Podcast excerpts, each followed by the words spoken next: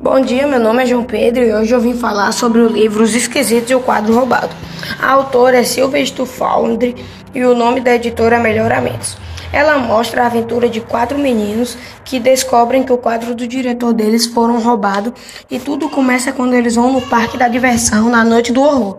E eles se divertem bastante mas quando eles voltam no último dia de aula, o diretor vai apresentar uma peça e eles vão atrás do diretor para conversar.